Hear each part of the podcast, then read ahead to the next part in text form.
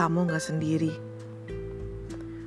Kalau kamu pernah diabaikan, tidak disayang, tidak diperhatikan, kamu gak sendiri.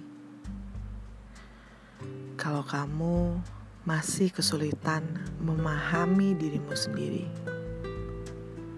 kamu gak sendiri. Kalau kamu merasa sulit dipahami atau terlalu rumit, kamu gak sendiri. Kalau kamu memiliki pengalaman yang menyakitkan, kamu gak sendiri.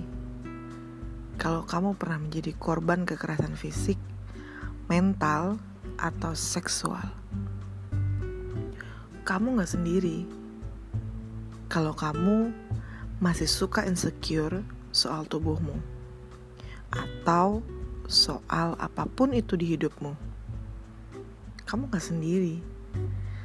Kalau kamu pernah kehilangan orang yang disayang, kamu gak sendiri. Kalau kamu simpan semua cerita untuk dirimu sendiri, kamu gak sendiri.